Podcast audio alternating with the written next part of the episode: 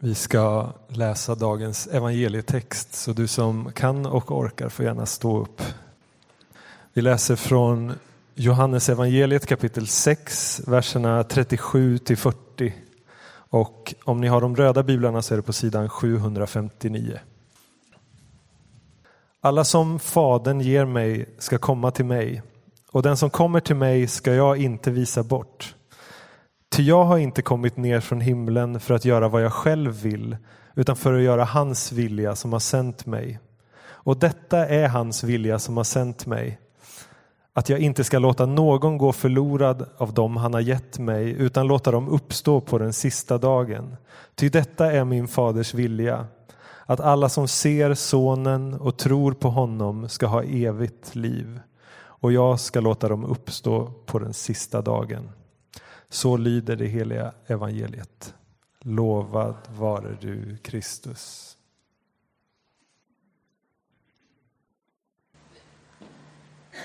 Gud, du som är all trösts Gud. Vi vänder oss till dig just nu. Du som är hoppets och livets källa. Hjälp oss att öppna våra hjärtan inför dig, inför det som du vill att vi ska höra idag. Jesus, hjälp oss att låta våra hjärtan vara en bördig mark för det frö som du vill så in där. Kom med din heligande och svep med din vind över oss och i oss. Amen. Vi är mitt uppe i en speciell helg allhelgonahelgen. Och kanske har ni de senaste dagarna, precis som Jonas talade om, varit vid någon älskad persons grav och smyckat den med blommor och ljus. Eller på något annat sätt hedrat dem som dött och som gått före oss. Eller så kanske du tänkte att du skulle gå till kyrkogården och tända det där ljuset, men det blev aldrig av. För att det var så mycket annat som kom emellan. Men oavsett så är detta en helg som förankrats ganska väl i vår kultur. Det spelar mindre roll om du är van vid att gå i kyrkan och håller koll på de kristna högtiderna eller inte. Och nu vill säkert någon kommentera att halloween har kommit och kanske tagit över. Och så må vara. Men det går att se halloween som vår samtids lite taffliga försök att närma oss detta svåra med döden. Vi har ganska få redskap för att tala om och närma oss döden. Och då leker vi istället. Vi leker och klär ut oss. Och det kanske inte är det sämsta av alla redskap. Möjligtvis så kan det avdramatisera de värsta rädslorna vi har. Men det är en parentes i sammanhanget. Det som jag egentligen vill stryka under angående den här helgen, det är något som många av er säkert redan vet och något som många av er kanske aldrig har hört. Och det är att allhelgonahelgen består av två dagar som ganska lätt blandas samman. Alla helgons dag och alla själars dag. Alla helgons dag är årets stora martyr och helgondag och alla själars dag, som det ju är idag, är minnesdagen över våra döda. Och vi har, eh, åtminstone historiskt sett, skilt på att minnas helgonens liv och att minnas våra närståendes liv. Och vi som tillhör den protestantiska delen av kyrkan är ovana vid och kanske till och med studsar till i mötet med helgonens minnesfester som finns inom katolsk och ortodox tradition. Och det kanske inte är så konstigt för att vi har svårt att förstå dem.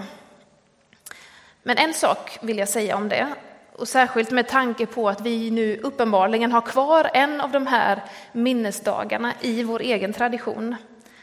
Och det är att de innebär en hågkomst och firande av alla dem som har framburit sina liv som ett levande och heligt offer åt Gud. Helgonen som personer är inte intressanta i sig, utan det är på vilket sätt Gud har låtit sitt eget liv bli synligt i och genom dem. Och det syftar till en ännu djupare tillbedjan till Gud. Men idag är det alltså alla själars dag. Och dagens evangelietext som vi precis hörde talar om uppståndelse och hoppet om evigt liv.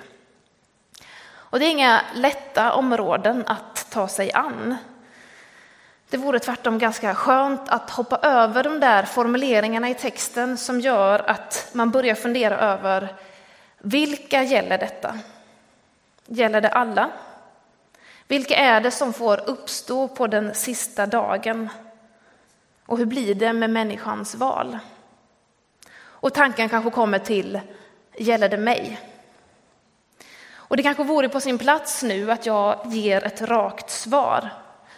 En enkel lösning på ett komplicerat problem.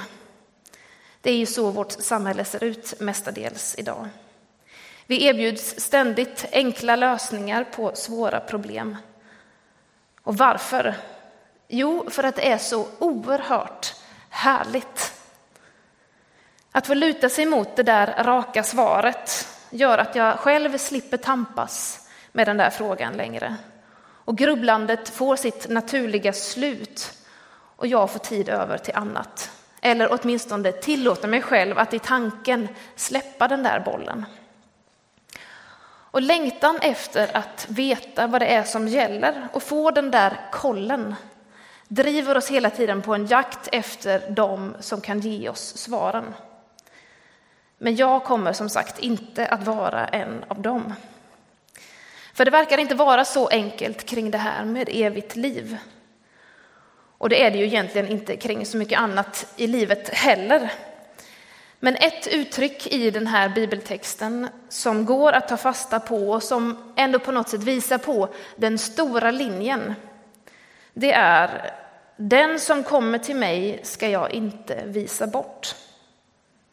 Det är vad Jesus säger. Alltså, om någon kommer till honom så kommer han inte att stänga dörren för någon. Det är inte från hans sida som oviljan ligger.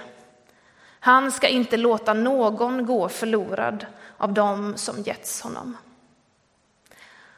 Och nej, det rätar inte ut alla frågetecken eller tar bort den här brottningskampen med bibelordet. Vilket jag i och för sig tycker är ganska bra. För vi behöver alla gå våra vändor med ordet. För den kristna, delen, kristna tron är till största delen inte ett färdigt paket med givna svar och lösningar, utan den är full av paradoxer och komplexiteter. Och vi måste kunna leva med både och och mitt emellan. Och visst skaver det. Det gör det ganska ofta till och med. Men om vi får allt klappat och klart med färdiga förklaringar så har vi gjort Gud så liten så att Gud inte ryms i det där längre. Så i någon form av ödmjuk frustration så får vi förlita oss på det som nu är uppenbarat för oss. Se de stora linjerna och vilken riktning de har och ändå vila mot de ord som till exempel den som kommer till honom skall han inte visa bort. Och någonstans så kan det ändå ge ett hopp. Ett hopp som gör att vi vågar närma oss frågan kring döden med en annan förtröstan. Tänk på döden. Så står det på ingången till Stampens kyrkogård. Och det är inte så lätt för gemene göteborgare att göra det. Oftast är det lättare att bara trycka undan den tanken, ungefär på samma sätt som vi försökt trycka undan döden rent praktiskt i vårt samhälle. Karl Ove Knausgård, som kanske några av er har läst, skrev om den här beröringsskräcken som finns kring döden. Hur obehagligt det är att se en död kropp. Hur det på hur vi på olika sätt anstränger oss för att hålla dessa kroppar utom synhåll för oss. På större sjukhus finns svårtillgängliga rum där de göms undan och vägarna dit är dolda med särskilda hissar. Hur döda kroppar alltid är övertäckta och transporteras i bilar med mörktonade rutor och sedan förvaras i ett fönsterlöst rum på kyrkogården innan de sänks ner i jorden eller förbränns. Döden är svår och obehaglig. Och kanske är det därför som det blir så stort genomslag när någon trots allt kan sätta ord på resan mot och hanteringen av döden. Stina Wolters sommarprat är ett sådant exempel. Och Christian Gidlunds blogg är ett annat. Christian diagnostiserades med cancer när han var 27 år. Obotlig cancer och han dog sen två år senare. Han såg helvetet inifrån, så beskrev han det själv. Han var trummis i bandet Sugar Plum Fairy. Men han är mest känd för att han under sin sjukdomstid skrev en väldigt ärlig och transparent blogg som hette I kroppen min. Och jag vill läsa delar av ett av hans inlägg från den bloggen för att ge er en inblick i hur befriande det kan vara att höra någon som kan vara så naken inför sitt eget möte med döden. Jag funderar väldigt ofta på detaljer. Små detaljer som min egen begravning. Jag har funderat så mycket på de där små detaljerna att jag idag vet hur den ska gå till. Jag vet vilka sånger som ska framföras och hur jag önskar att den dagen blir. Och jag funderar på detaljer som hur min mamma och min pappa kommer att klara av att hantera sorgen. På vad de kommer att göra för att lyckas gå vidare efter den dag då jag dör. Detaljer som att jag läser en intervju med mig själv där jag säger mig inte förväntas uppleva en jul till. Då jag med de tryckta bokstäverna framför mig inser att det faktiskt är sant.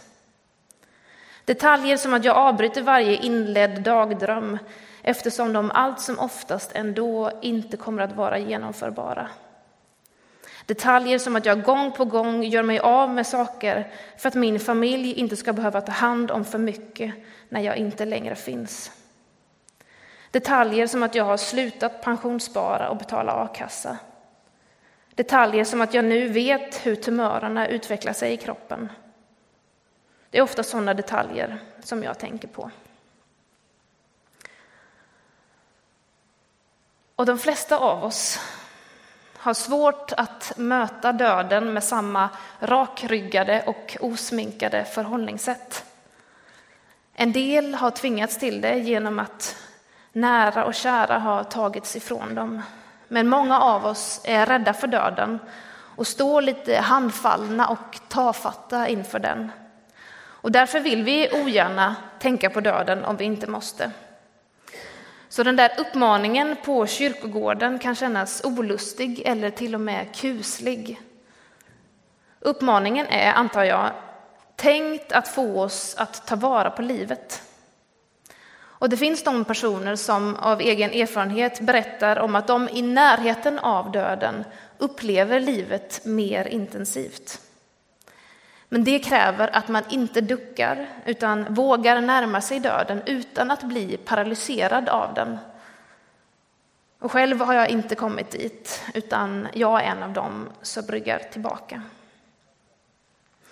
Men här får vi återkomma till hoppet, vårt evighetshopp, det som ändå är dagens tema. Och hoppet är något svårfångat i vår tid. Det är mycket som ständigt drar ner oss.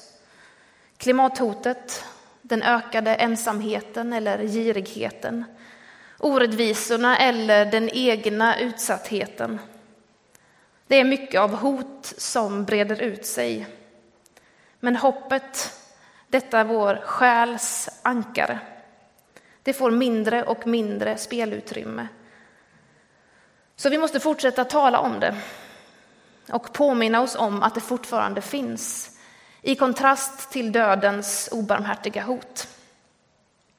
Och hoppet som vi har, det är Kristus hoppet. Om att döden inte är slutet utan genom Jesus Kristus får vi tillträde till det eviga livet. Hoppet om att Guds vision för den här världen och allt den rymmer en dag ska träda i kraft. Hoppet om både själens och jordens överlevnad. Hoppet om uppståndelsen och upprättelsen för oss och hela skapelsen. Det är vårt hopp och vår räddning. Men om vi nu ändå ska säga någonting mer om uppståndelsen så kan vi gå till Paulus i dagens episteltext. Och även om Paulus i det här avsnittet försöker reda ut lite frågor som kommit, uppkommit i församlingen så behöver vi återigen ödmjukt inse att det inte blir helt glasklart. Från första Korinthierbrevet kapitel 15. Nu undrar någon, hur uppstår de döda? Hurdan kropp har de när de kommer? Vilken enfaldig fråga. Det du sår får inte liv om det inte dör. Och när du sår är det inte den blivande växten du sår utan ett naket sädeskorn eller något annat frö. Men Gud ger det den gestalt han, vill, han har bestämt. Så är det också med de dödas uppståndelse. Det som blir sått förgängligt uppstår oförgängligt och det som blir sått föraktat uppstår i härlighet. Och det som blir sått svagt uppstår fullt av kraft. Och sen några verser senare i samma kapitel så säger han När det förgängliga kläs i oförgänglighet och det dödliga i odödlighet då blir det som skriftordet säger. Döden är uppslukad och segern är vunnen. Död, var är din seger? Död, var är din udd? Gud vare tack som ger oss segern genom vår Herre Jesus Kristus. Och vad är poängen? Jo, dödens udd är bruten och genom Jesus Kristus får vi gå från förgänglighet till oförgänglighet, från dödlighet till odödlighet. Men Paulus stryker också under att det inte enbart är något själsligt, utan det sker även kroppsligen. Kroppens uppståndelse är viktig och hela människan ryms med ande, kropp och själ. Så på denna alla själars dag så får vi också påminnas om kroppens uppståndelse. Och hur den himmelska kroppen kommer att se ut är inte givet. Men det som är givet är att det både sker en förvandling och samtidigt finns det en kontinuitet. Precis som fröet ruvar på en inneboende potential om vad sedan växten ska bli, så ruvar våra jordiska kroppar på en potential om vad våra himmelska kroppar ska bli. Vi ser ett frö, men vi ser inte vad som ska komma skall. Allting finns där, men vi ser det inte ännu. Och det är ju så hoppet fungerar. Vi hoppas på det vi ännu inte ser. Vi väntar uthålligt, som det står om i Romarbrevet. Vi väntar på att befrias och nå den frihet som är Guds. Och något som jag själv har insett värdet av på senaste via den gode Peter Halldorf är att göra distinktionen mellan hopp och optimism. Hoppet tillhör nämligen en helt annan kategori. Till skillnad mot optimismen så är det inte grundat i en tilltro till människans egen förmåga. Hoppet är grundat, grundat på en förtröstan om Guds trofasthet. Optimismen säger det ordnar sig.